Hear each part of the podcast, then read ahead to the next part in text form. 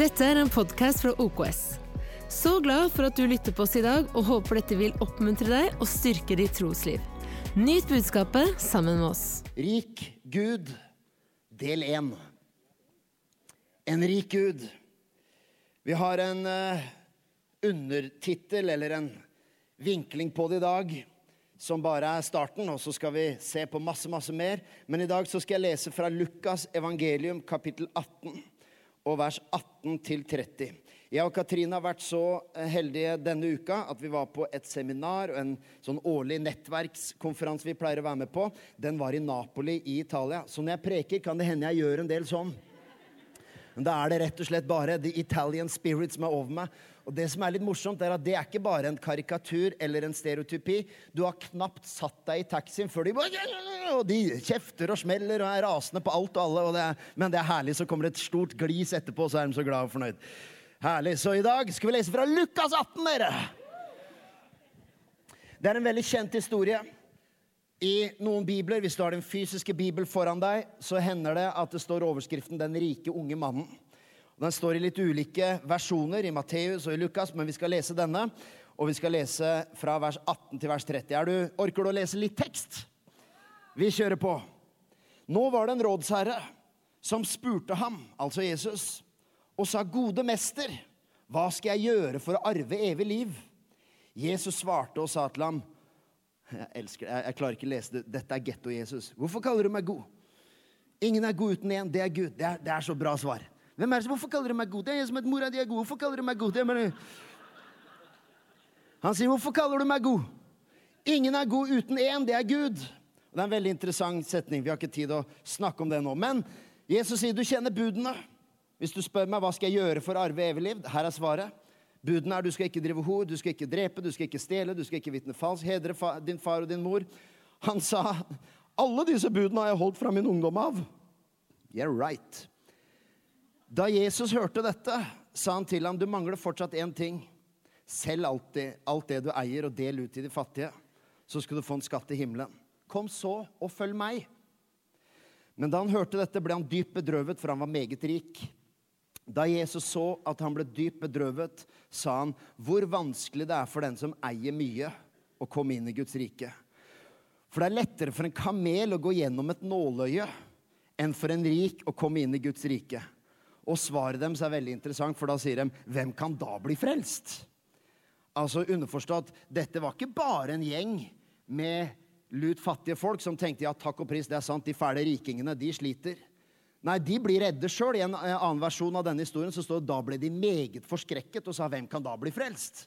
Underforstått, da er vi alle i trøbbel. Men han sa det som er umulig for mennesker, er mulig for Gud. Da sa Peter, se, vi har forlatt alt og fulgt deg. Så sa han til dem, sannelig sier jeg dere, det er ingen som har forlatt hus eller foreldre eller søsken eller kone eller barn for Guds rikes skyld, som ikke skal få igjen mange ganger mer i den tiden som er nå, og evig liv i den kommende verden.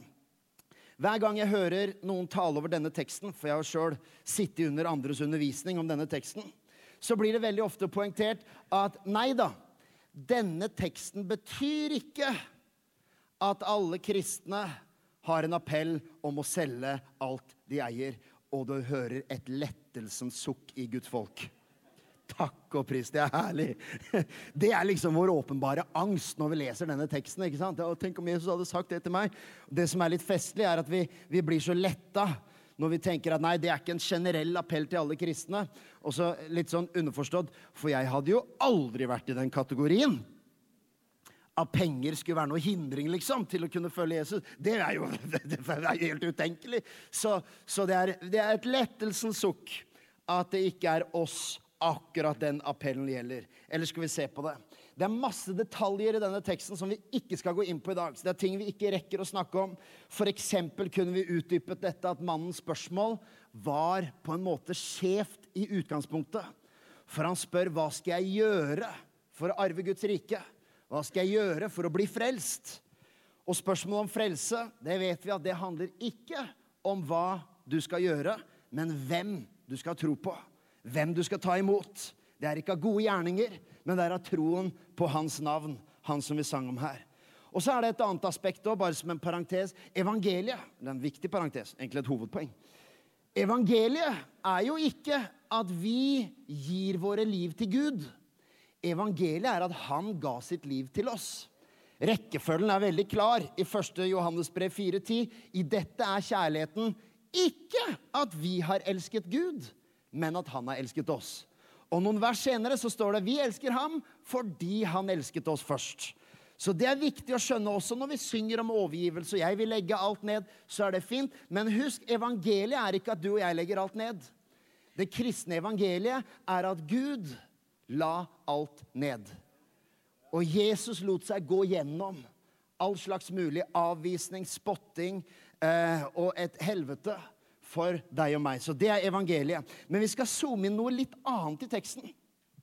For eh, faktisk så er undertittelen i dag den er litt sånn radikal. Den er, undertittelen er det her Hva skjer når vi gir hele hjertet til Gud? Vi snakker om en rik Gud. Det er hovedpoenget. Han ga sitt liv først. Men hva skjer når vi responderer og faktisk gir hjertet vårt og livet vårt til han? Det som er interessant, er at uh, denne mannen spør hva skal jeg gjøre for å arve evig liv, og Jesus inviterer ham til etterfølgelse. Først bli kvitt slaveriet ditt og pengeproblemet ditt. Kom, så følg meg. Det som det står i den andre, det, her sånn så står det at han ble dypt bedrøvet, men så står det i den andre varianten at han dro hjem dypt bedrøvet. Og det var jo tanken også på at han måtte ofre noe for å følge Jesus, som gjorde han veldig redd, veldig skuffa. Kostnaden er for høy. Så vet vi, du og jeg som sitter her, at evangeliet er ikke å selge alt man eier. Det er at Gud ga alt han hadde. Men det er likevel gjenkjennelig at denne tanken på at kostnaden blir for høy, at den gjør han redd og lei seg. Men det er veldig synd at han gikk. For prekena var ikke ferdig. Det kommer mer.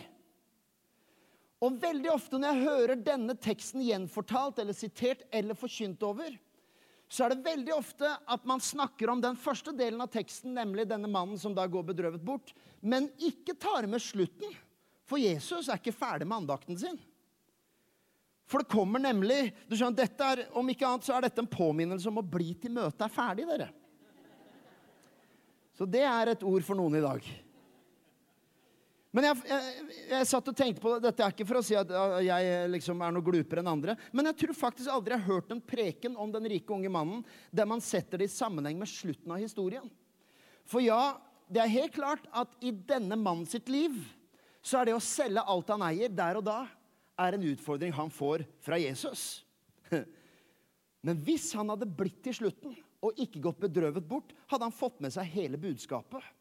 For budskapet til denne mannen var ikke at da kom og følg meg, og fra da av skal du permanent leve et fattig liv. Nei, han avsluttende prekena med et ellevilt løfte for den som gir noe for Jesus. Han snakker om hundrefold igjen. Hvis han hadde sittet til slutten av prekena, så ville han skjønt at jo visst, her er det et kortsiktig, tilsynelatende offer som egentlig bare handler om frihet fra mitt eget slaveri og det jeg er blitt avhengig av, og der jeg finner min rettferdighet og min verdighet og min identitet. Så slipp det. La oss, la oss liksom frigjøre deg fra lenkene. Kom og følg meg. Og hvis du har forlatt hus og hjem og verdier for mitt navns skyld, så kommer et løfte om en retur i dette livet og det neste. Det er jo spinnvill herlighetsteologi. Dette er ikke et fattigdomskapittel. Helt, man tør jo nesten ikke å lese det. Og Jesus sier jo, det fins en kostnad, men kom og følg meg, og se hva en rik Gud kan gjøre i livet ditt. Wow! Vet du, Når man snakker om å gi hele hjertet til Jesus Nå må du bare bli med meg på en bitte liten reise. Det må jeg si med skarre her. Bli med meg på en reise. Det høres bare dypere ut. Bli med meg på en reise, dere. For det er to typiske tankeganger som jeg skal bare karikere litt og beskrive når man snakker om å gi hele hjertet til Jesus. Gi hele hjertet til Gud. For det er min litt sånn dristige undertittel i dag. Hva skjer når vi gir hele hjertet til Gud? Og det er til deg som ennå ikke er en kristen, som ikke helt vet hvor du tror. Kanskje du vingler litt, litt frem og tilbake. Men det er også til oss som er troende, som kan handle om på en måte en fersk åpenbaring, en overgivelse av å ikke holde tilbake og gjøre det halvveis, men å faktisk gå all in og si 'Jesus, jeg stoler på deg med alle mine ressurser og mine penger og med livet mitt'. Da er det to typiske tankeganger som jeg skal beskrive. som er en litt sånn eh, karikatur eller en overdrivelse, men likevel veldig gjenkjennelig. Her er den første av de to. Og det er tanken om Jesus som gledesdreper. Jeg kaller det gledesdreperteorien. Hva er det for noe? Hva er gledesdreperteorien? Jo, det er dette konseptet her. Når man snakker om etterfølgelse av Jesus og det å gi hjertet sitt til Jesus, så fins det en tanke som er ganske utbredt på at et sånt liv, ja, da forsvinner alt som er gøy og spennende. Bortsett fra åndelige ting. Hvis du snakker med litt eldre generasjoner, og dette møter man på overraskende ofte Men litt voksne nordmenn som kanskje vokste opp i en kristen, streng kulturell kontekst, som fikk høre at å være kristen, det var ikke kino, det var ikke kafé, det var ikke idrett. I hvert fall ikke på søndager, men knapt resten av uka. Det var ikke dans. Alt som var gøy og spennende, og det å leve tilsynelatende kanskje eh, liv i samfunnet, ble det satt begrensninger på. Så jeg møter på, og mange av dere gjør det også, mennesker som sier at jeg forlot troen, jeg forlot kirken, fordi at det var som om Jesus ble en gledesdreper. Jeg skal, jeg skal følge Jesus, men da alt som er gøy, er borte, og nå er det bare å ofre seg for evigheten. Og kanskje er det ikke samme begrensninger i dag. Jeg er glad for at en ung generasjon ikke vokser opp med kinoforbud. Vi skal faktisk ha kinokveld her. Siste søndag i september. Dette er ikke engang, det, det kommer info, det kommer på web, og det kommer med, men rykende fersk info er at vi skal vise her sånn filmen 'Jesus Revolution' med brus og popkorn. Ja. De dårlige nyhetene er at det blir billett... Eh, det er inngangspenger. Hørte jeg et jubel? Nei da. Eh, det gjør det, men det inkluderer brus og popkorn. Kommer, kommer, mer tilbake til det. Men eh, vi skal pakke inn den kinovisningen og runde av det også med å be sammen og takke Gud. Og be om at det samme som skjedde i den vekkelsen, for den beskriver en, egentlig en utrolig historie, og vi skal be om at de samme elementene skal finne sted i vårt samfunn. Og det er ikke sånn at vi, vi, står her og venter på en eller annen vekkelse som en dag kanskje muligens feier inn. Vi bygger og, og leder mennesker til tro hver dag. Men eh, samtidig så er det noe spesielt med den fortellingen som kan trigge oss og inspirere oss. og Vi skal gjøre det den kvelden, se på kino. Poenget er det er lov å gå på kino, er ikke det herlig? Spørs litt hva du ser på, da. Men her er Jesus som gledesdreper-ideen. Jo, det er denne ideen om at du alltid må velge mellom ditt eget liv, det du vil, og det Gud vil. Det er alltid en kamp mellom Guds vilje og min vilje. Og det å følge ham handler om å ofre min vilje. Og noen her tenker ja, men Thomas, er ikke det litt riktig, da? Vel, bli med til slutten. Bli med til slutten. Men denne gledesdreperteorien, Jesus som glede, gledesdreperteorien, den møter jeg også blant ikke-troende, og det gjør sikkert du også. Veldig klart og tydelig. Og, og jeg, jeg, vet ikke hvor jeg skal begynne. Denne setningen her får jeg så ofte at det er helt festlig. Men når noen liksom, når jeg introduserer meg kanskje og forteller at jeg er pastor, så får jeg ja, ja, ja, nei, nei, jeg er ikke så religiøs, jeg er ikke så kristen. Jeg kan ikke bli kristen. Jeg er for glad i å banne og ta meg en fest. Og jeg er litt sånn Hvor, hvor starter vi hen nå? Hvilken ende skal vi begynne? For det første, altså Jeg, ikke, jeg kjefter ikke på det, men det er et ufattelig smalt perspektiv. Jeg er for glad i å banne og ta meg fest. La oss starte med Tror du noen har skapt universet? La oss begynne der. Så vi, tar, vi, tar vi banninga sånn etter hvert. Tror du, du skapt, tror du det er en mening med livet ditt? Tror du noen har pusta liv i deg, eller er du en tilfeldighet? Eh, og så er det denne tanken om Jesus da som en moralsk gledesdreper at det som på en måte er stimulerende og det som er triggende, det, hvis du følger Jesus, ja, da dør alt det. Det som er interessant, og også bare en parentes for anledningen, det er at det første miraklet Jesus gjør, er å redde en fest. Det er festlig. At man får Jesus fremstilt som en gledesdreper når før han helbreder noen syke, før han vekker opp døde, før han renser spedalske, så redder han et selskap og sier at en dag så blir det sånn her at dere er bruden, og jeg er brudgommen, og vi skal få lov å ha fest i mitt nærvær. Det er fantastisk. Så Det er bare et bevis der på at Jesus ikke er gledesdreper. Men kanskje en annen ting som jeg møter på vel så ofte, og du også, det er at Jesus ikke bare sånn moralsk er en gledesdreper, men en intellektuell gledesdreper. At det er en, også kanskje litt intellektuell stolthet ved tanken på å følge Jesus. Liksom, Jeg kan ikke jobbe som advokat og samtidig være sånn Jesus-frik. Det går ikke i mitt yrke, i min bransje. Jeg er salgsleder på jobben. Jeg er overlege. Jeg er professor. Doktor. Eh, hva er det du er, uh, uh, Søråsen? Professor, er det ikke det? Sitter en professor her, vet du. Kan se det lang vei. Professor og Jesusfrik. Det er fantastisk. Helt unikt. Men her er hva jeg møter på. Det er dette her om at Jesus er en intellektuell gledesdreper at du kan ikke være utdannet og klok og tjene mye penger, ikke minst, eller ha innflytelse og ansvar. Jeg vet at du ikke tenker sånn. Jeg bare snakker om en lære, en tanke som ligger i bånd hos mennesker. Og også blant kristne så eksisterer denne gledesdreperteologien. Hvis jeg gir hele hjertet til Gud, ja, da vil jeg resten av livet måtte gjøre ting jeg ikke har lyst til.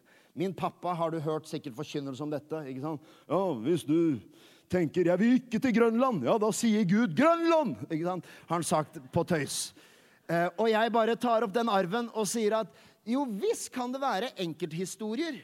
Om, om, og jeg kan vitne sjøl og si at det er ting som man tenkte at det der vil jeg ikke. Og så er det en litt sånn fight fordi det er det Gud lokker deg inn i. Men bak det så ligger det nesten en sånn hovedtanke at det å følge Jesus er bare ett eneste stort offer. Og du får aldri på en måte det, Gud vil sende deg til nøyaktig den destinasjonen du ikke vil.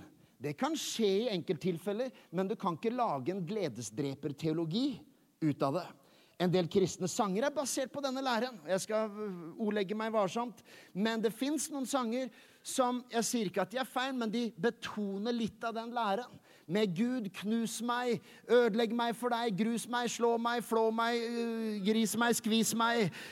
Alt dette her. Og så sier de jo, men Thomas, er det ikke noe i dette her, da? Er det ikke noe i det? Kommer tilbake til det helt til slutt. Her er den andre. Jesus som cheerleader-teorien.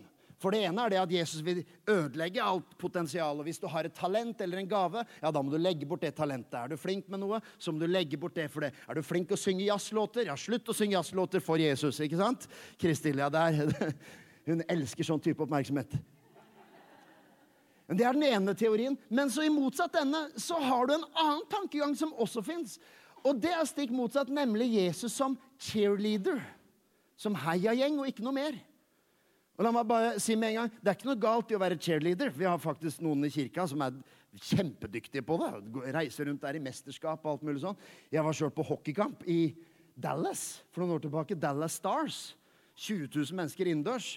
Og på tribunen jeg sitter, så er det en To rader foran meg er en hel rekke av cheerleaders som i hver eneste pause holder på, kjempeflinke. Jeg vil bare understreke at jeg De var riktignok ganske lettkledde, og jeg la ikke merke til dem. Det vil Jeg bare si. Jeg ble fortalt etter kampen at de var der. Jeg, jeg var der for å se på ishockey, bare så dere vet det. Og bli brukt av Gud til eventuelle ting. Men, men uh, Katrine, jeg vil bare du skal være klar over det på noen hockeykampen. Jeg, jeg la ikke engang merke til fargen på de grønne draktene de brukte der i Dallas Stars. Det uh, vil jeg bare Fulgte intenst med på ishockey. Men her er cheerleader-teologien. Hva er den for noe? Jo, det er tanken Jeg, jeg, jeg så et intervju med en relativt ung person. Ikke, ikke, en i kirken, men en som på en måte var en sånn type sånn, En på en trosvandring. Og så var det et intervju. Og vedkommende sa dette. Jeg kan ikke tro på en Gud som ønsker å begrense meg sa vedkommende. Og Da er vi over i helt motsatt grøft av gledesdreperteologien. Og en annen person i samme serie sa at hvis ikke Gud respekterer mine følelser og mine valg, så er ikke han en jeg kan tro på. Og plutselig er rollene snudd. Plutselig er det jeg som er Gud, og Jesus er min tjener. For det jeg føler, og det jeg vil, og mine valg. Og han har ikke noe annet. Han skylder å bare velsigne meg. Så cheerleader ideologien er på en måte sånn at Guds jobb er bare å velsigne det jeg gjør, og være min heiagjeng. Og jeg vet vi av og til sier sånn at Gud heier på deg, og det tror vi på. Men det kan også være en litt sånn platt teologi. Litt tynn åpenbaring av hvem Gud er. For rent logisk Her kommer 30 sekunder intellektuell tankerekke. Rent logisk så er det faktisk umulig for meg å tro på en sånn Gud. Hvis han bare er redusert til å være en tjener for mine interesser og mine valg, og, og, og, det er sånn at det som er mine verdier Hvis jeg mener at det er dette som er rett og galt, og Gud skylder å bare omfavne det jeg mener er rett og galt Mens kanskje i Pakistan er det en annen ung person som mener at noe helt annet er rett og galt, og der må Gud bare være cheerleader for han og velsigne det han mener er rett og galt. En sånn Gud er ustabil og uforutsigbar. I tider og kulturer og, og, og overalt. Nei, jeg er så glad for å ha en Gud som er den samme i går og i dag og til evig tid. Og hvis ikke han er det, eller la meg, si, la meg, snu på det Hvis han er den samme i går, i dag og til evig tid, så må han også være den samme for meg, selv når jeg mener eller drifter i livet eller har tanker og retninger, så er det sånn at det er jo, det er jo jorda som kretser rundt sola. Det er ikke sola som kretser rundt jorda. Det er vi som kretser omkring Gud. Det er ikke Gud som løper og kretser omkring oss. Jo, han etterjager oss med, med, sin miskunnhet og sin nåde, men det er ikke sånn at han kretser rundt våre verdier og våre standpunkter og det jeg mener er rett og galt. Nei, jeg er så glad for at Jesus er mer også enn bare en cheerleader. Og jeg, selv om vi i dag vi forkynner om en rik Gud, og jeg har gode nyheter til deg, og det er et herlig evangelium, så er ikke det kristne evangeliet at kom og følg Jesus, så kanskje du kan få enda litt mer liksom, suksess her. Og kanskje du vil liksom, oppleve en 10% økning i produktivitet. og at han vil... Nei, vet du hva? Dette handler om å si at Jesus, du er Herre. Fordi du ga alt til meg. Så vet jeg jeg kan aldri gi alt tilbake, men du skal få hjertet mitt. Og det som er interessant, Jeg sier dette veldig fort, sånn at ikke du skal rekke å kaste tomater og bli provosert.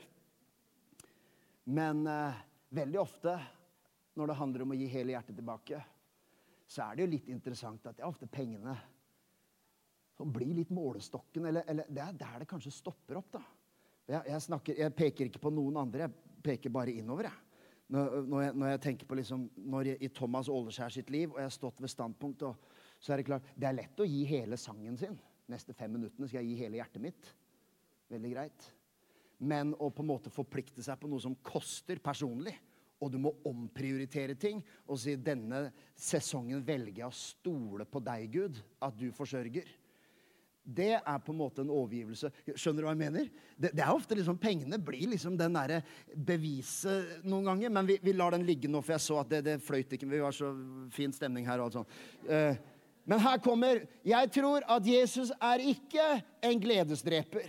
Men det finnes tider av offer. Det finnes tider Egentlig et bedre ord enn offer er det finnes tider av tillit.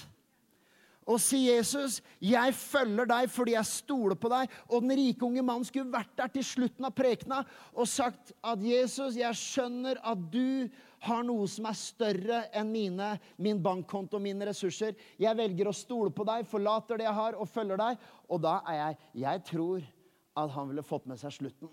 At det finnes et løfte for den som gir, og den som sår. Og jeg, dette er på ingen måte en kollektpreken. Vi snakker om hele livet her. Eh, men her kommer det som jeg opplever som Han er verken gledesdreper, men han er heller ikke min cheerleader. Gud er ikke min coach. Og han, han står ikke i gjeld til meg. Evangeliet er ikke at han står i gjeld til meg. Og Hvis ikke han velsigner mine valg og mine ord og min teologi og mine verdier, ja, nei, da gidder jeg ikke. Nei, vet du hva?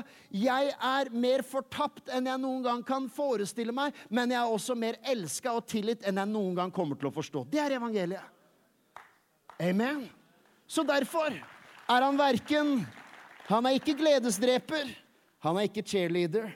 Her kommer, Jeg klarte ikke å gjøre den overskriften kort nok. Jesus som Herre og Frelse, som gjenoppretter, velsigner og istandsetter. Det er hele prekena. Ja, han sa selv det du eier, og gi det til det fattige. Kom så, følg meg. Og så kommer et spinnvilt løfte om hundrefold igjen for den som har sådd, for den som har gitt. Så hva skjer? Her kommer svaret. Hva skjer hvis jeg overgir meg fullt og helt til Gud? Gjør Jesus til herre i mitt liv. Både for deg som ennå ikke tror, men også for deg som tenker at kanskje kristenlivet kan bli litt halvveis noen ganger.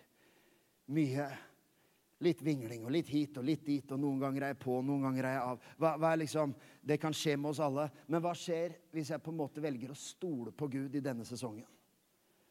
Jeg tror Salme 23 setter oss på sporet. Vet du hva det står der? Herren er min hyrde, jeg mangler ingenting. Hva betyr det? Jo, det, Herren er min hyrde, det betyr han er herre. Han leder. Og hyrdene, det, Da må du ikke se for deg disse her eh, med Jesus på sånne malerier. Det ser ut som han kommer rett ut av Jan Thomas' studio og glatt og holder dette lammet i armen. Og, så nei, En hyrde er en leder, en kriger, en som slåss og kjemper for sauene sine. River dem ut av gapet på løver osv. Så å gjøre Jesus til hyrde, det er å gjøre ham til herre. Og salmisten sier, 'Jesus, eller Herren, er min hyrde'. Og konsekvensen er, 'Jeg mangler ingenting'. Du blir ikke motløs, fattig, rådvill og tom av å følge Jesus. Det kan kortsiktig være ting som ser ut som et offer, som egentlig bare er å frigjøre seg fra slaveri. Men så vil du se at det å følge han, det er et liv der han fyller tomrommet. Du skjønner, Han kan ta det som gjør livet tomt, og fylle det med det som gjør livet helt. Så er det sånn, bare noen minutter igjen her, så er det sånn at det kan se litt forskjellig ut. Eh, og som sagt, Gud er verken gledesdreper eller cheerleader, men det kan være elementer som ligner litt, basert på hvem vi er og hvor vi er i livet. La meg vise deg en siste tanke og et siste bibelvers på akkurat dette før vi skal gå inn for landing. 1. Korinterbrev 722. For her, Dette står i en sammenheng, selvsagt, men Paulus snakker til en forsamling i Korint hvor det finnes både slaver og slaveeiere. Det er veldig sterke ord i vår kultur, og vi liksom, etter moderne standard ville tenkt at eh, Paulus burde bare ha liksom, avskaffet slaveriet, og det er ganske interessant, for det gjør han på en måte. Men husk at i denne settingen så er det ikke sånn at alle slaver kun hadde det helt grusomt. Det betyr at de var eid av noen. Og man kan oversatt til moderne kultur kan man si at slavene var de som også var dårligst betalt og nederst på en måte på karrierestigen, mens herrene var øverst. Så er det ett vers mens han driver og snakker til denne menigheten i Korint, hvor det er spenninger pga. de forskjellene som er. Det er etniske forskjeller i menigheten i Korint. Alle på bibelskolen får en, eh, har korinterbrevene på bibelskolen, elsker det. Um, og det er etniske konflikter, og det er konflikter som er relatert til ekteskap og familier og kjønn. Og så er det konflikter relatert til rike og fattige, og slaver og frie. Hør på hva Paulus sier. Og dette, dette ene verset her sier så mye om hvordan evangeliet møter oss. For ja, nåden er for alle. altså Gud elsker alle like høyt. Men det er også sånn at nåden møter oss der vi er. 1. Korinterbrev 7,22. Der står det Fikk jeg ikke med det verset? Da må jeg lese det opp. For den som er kalt i Herren mens han er slave, er likevel Herrens frie menneske. Så han sier til slavene, hvis du er slave i det naturlige, husk at i Jesus er du en fri person. Så Jesus fyller alltid alle. Så selv på en måte dens menneskelige identitet, så kommer evangeliet og sier du er mer enn en slave, du er Herrens frie menneske. Men hør på neste setning. Likedan er den som ble kalt mens han var fri, er Kristi slave. Så Paulus sier til slavene, husk, dere er fri Gud. Men så sier han til de frie og til herrene, så sier han, husk, dere er også slaver. Og nå er det ikke sånn at Jesus, Jesus vil trykke ned alle som er oppe, og løfte opp alle som er nede. Men det er noe i evangeliet som møter oss der vi er. For det er som om han fyller alt i alle. Og for slavene, for de lavtlønte, for streverne, så er evangeliet et budskap om frihet. Og du ser når Jesus møter de svake og de syke og de utslåtte, så sier han aldri til de 'selv alt du eier'. Ja, Det sier han til den rike unge mannen. For når han møter noen av de som er øverst på rangstigen, når han møter Nikodemus, som også er en rik mann, så sier Jesus nei, du må starte helt fra skrevet. Du må begynne på toppen. Når, når, Nikodemus sier kanskje vi kan samarbeide litt, og kanskje vi kan finne liksom en uh, Du er jo en lærer, og jeg er en lærer, og vi kan diskutere litt teologi. Og Jesus sier nei, du må bli født på ny. Du må begynne helt fra starten av. Det er til sånne folk at Jesus sier du er nødt til å få en skikkelig restart. Betyr ikke at han sa til Nikodemus selv alt du eier, men han sa at du trenger ikke bare litt sånn åndelig påfyll, du trenger et nytt hjerte. Du trenger en ny herre, en ny vei og en ny retning med det du er og det du har. Mens til den svake og utslåtte så kommer han og gjenoppretter og gir frihet og sier 'heller ikke jeg fordømmer deg'. og alt dette er sånn. Så jeg sier Gud er ikke gledesdreper, men han vil sette oss fri fra det som binder oss. Gud er ikke cheerleader, men han vil løfte opp enhver utslått opp fra sin elendighet. Og vi kan si at Gud heier på deg når du er nede. Der hvor jeg er svak og utilstrekkelig, Jesus fyller meg med sin verdighet og sin identitet og sin rikdom. Men der hvor Thomas tror han er konge på haugen og har skjønt det, der fyller Jesus med sin ydmykhet og litt guddommelig sjølinnsikt innimellom. Det er herlig. Du blir hel når du går med Jesus. Og om det innimellom betyr at du også må ofre noe, ja, så er det knyttet til et løfte om velsignelse. Av og til når man ser mennesker som er velsigna Det er rart med oss nordmenn. Jeg må ha pianisten opp, så jeg blir påminnet om at prekena må avsluttes. Um, er mer, Du fyller en viktigere rolle enn det, altså, min venn. Bare så det er sagt. Det, det vet han veldig godt. Men det er rart, vi nordmenn vi, vi, er litt sånn Paulus sier 'jeg vet hva det er å lide nød', 'jeg vet hva det er å overflod', sier han. Det er rart med oss nordmenn, for vi er ikke redde for å skryte av Guds trofasthet i nød.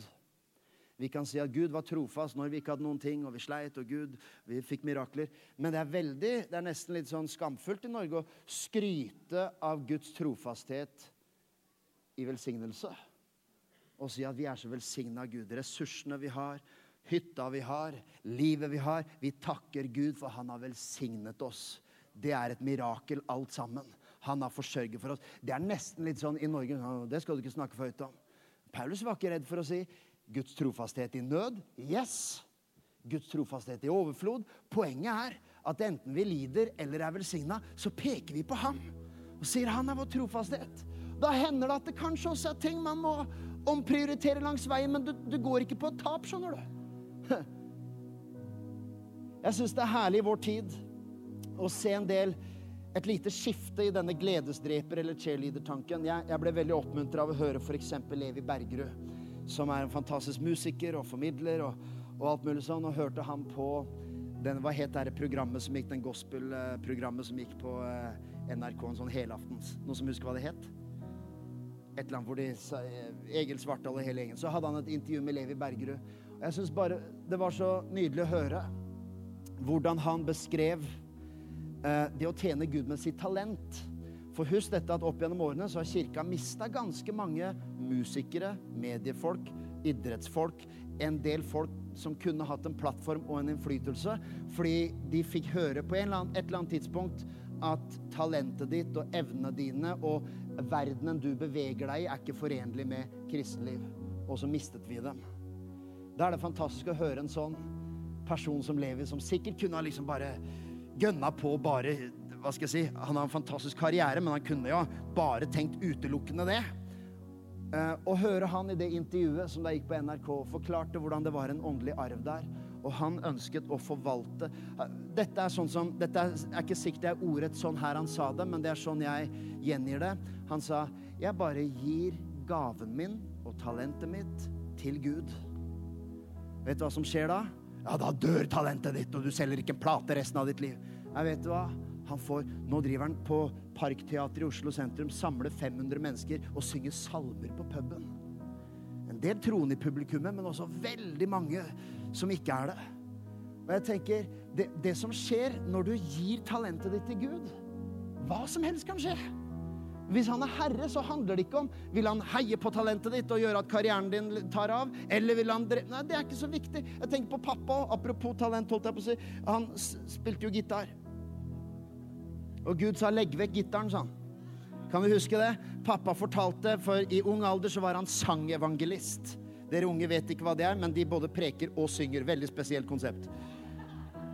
Men han reiste rundt og var sangevangelist. Nå er jeg på vei til himmelen Jeg skal begynne med det høsten 2023. Og du som driver, du som er sangevangelist, fantastisk. Fortsett med det. Men her er poenget. Her er poenget. Pappa opplever at Gud sier til ham 'legg vekk gitaren'. Han opplever det som en tiltale. Legg vekk gitaren. Hvis nå denne gitaren og det å være sangevangelist er en så innvevd del av hans identitet, og det er den jeg er, og det er det jeg får så mye skryt for, og folk syns jeg synger så fint, at han ville ikke legge vekk gitaren, hva hadde skjedd da? Da hadde det aldri blitt en ny menighet for en ny tid, som var slagordet til denne menigheten i 1985 og den plattformen han fikk. Og nå vet jeg at det å være forkynner ikke er en karriere, men la oss bare for sakens skyld tenke på Åges karriere. Ble det et tap å legge vekk gitaren? Jeg tror vi alle kan være enige om at det var noe av nøkkelen til at det gjennombruddet Og det er ikke noe galt å være sangevangelist, men den typen menighet som Gud kalte OKS til å være, handlet også om et nytt kapittel, og ikke, ikke nødvendigvis å kaste, forkaste alt gammelt, men det handler om at nå går vi inn i en ny tid, og det var en fresh stil og en ny type lovsang og en ny type lyd av huset. Jeg er så glad. Og når, som for øvrig, som sønn av Åge, så kan jeg si dette her. Når Gud ga, ba pappa om å legge vekk gitaren, så tror jeg det var Gud. Sjelden har jeg vært mer trygg i en tiltale fra himmelen enn det. Men poenget Poenget er jo likevel det ble ikke noe tap, det ble ikke noe nederlag. Og det er mitt budskap til både unge og gamle, til deg som er slave i gåseøynene, men også deg som er herre. Vet du hva? Det å følge ham det er kanskje ikke å selge alt vi eier, men noen ganger kan det bety både en omprioritering Kanskje Gud sier at vi må legge vekk noe. Men her er mitt budskap. Gud er verken gledesdreper som kommer til å ødelegge livet ditt. Han er heller ikke en cheerleader som bare skal applaudere alt du gjør. Han er herre, og når du går i tillit til han, så blir det et rikt liv. Og du kan stole på at han forsørger for deg, og han velsigner deg. Amen. Amen. Å, Far i himmelen, takk for din godhet. Å, Herre, pappa i himmelen. Jeg lurer på hva som kan skje i din kirke når et helt folk sier, 'Gud, vi følger deg'. Jesus, vi gir hjertet vårt helt til deg fordi du ga alt for oss. Gud, jeg lurer på hva som kan skje i nasjonen vår. Når hele Kristi kropp og hele din menighet får den åpenbaringen og forstår at du er verken gledesdreper, men du er heller ikke bare min heiagjeng. Jesus, du er min Herre, du er min forsørger. I deg har jeg min tillit. Til deg kan vi gå, og vi kan få lov å legge ned det vi har, fordi vi vet at du forsørger, og du er så god. Og Herre, må du åpne opp hjertets øyne for din godhet. For det er det som skremmer oss fra å følge noen gang. Vi har ikke nok tillit til din godhet. Vi tror du kommer til å frarøve oss noe. Akkurat som Adam og Eva ble lurt av slangen til å tro at Gud holdt noe tilbake. Og lokket dem og sa at tross Gud, gå bort fra Gud, for da skal dere få kunnskap og ting som Gud ikke har vist dere ennå. Jeg vet du hva, Herre, jeg ber om en ånd denne høsten, høsten 2023. I alle slags type aldre, alle slags type jobbsegmenter og studenter og overalt, så takker jeg deg, Herre, for en ånd høsten 2023 med tiden vi lever i. Der spiriten vår er Jesus, vi vil følge. I tillit til deg så stoler vi på deg til også det du leder oss til og ber oss om. Takk skal du ha for din godhet. Takk for at du tok deg tid til å lytte på en av våre podcaster fra OKS. Vår visjon er å bringe Jesus til mennesker i vår verden, og mennesker i vår verden til Jesus. Følg oss ellers på vår YouTube-kanal og sosiale medier. Du er velkommen til å besøke en av våre kirker. For mer informasjon, sjekk ut oks.no.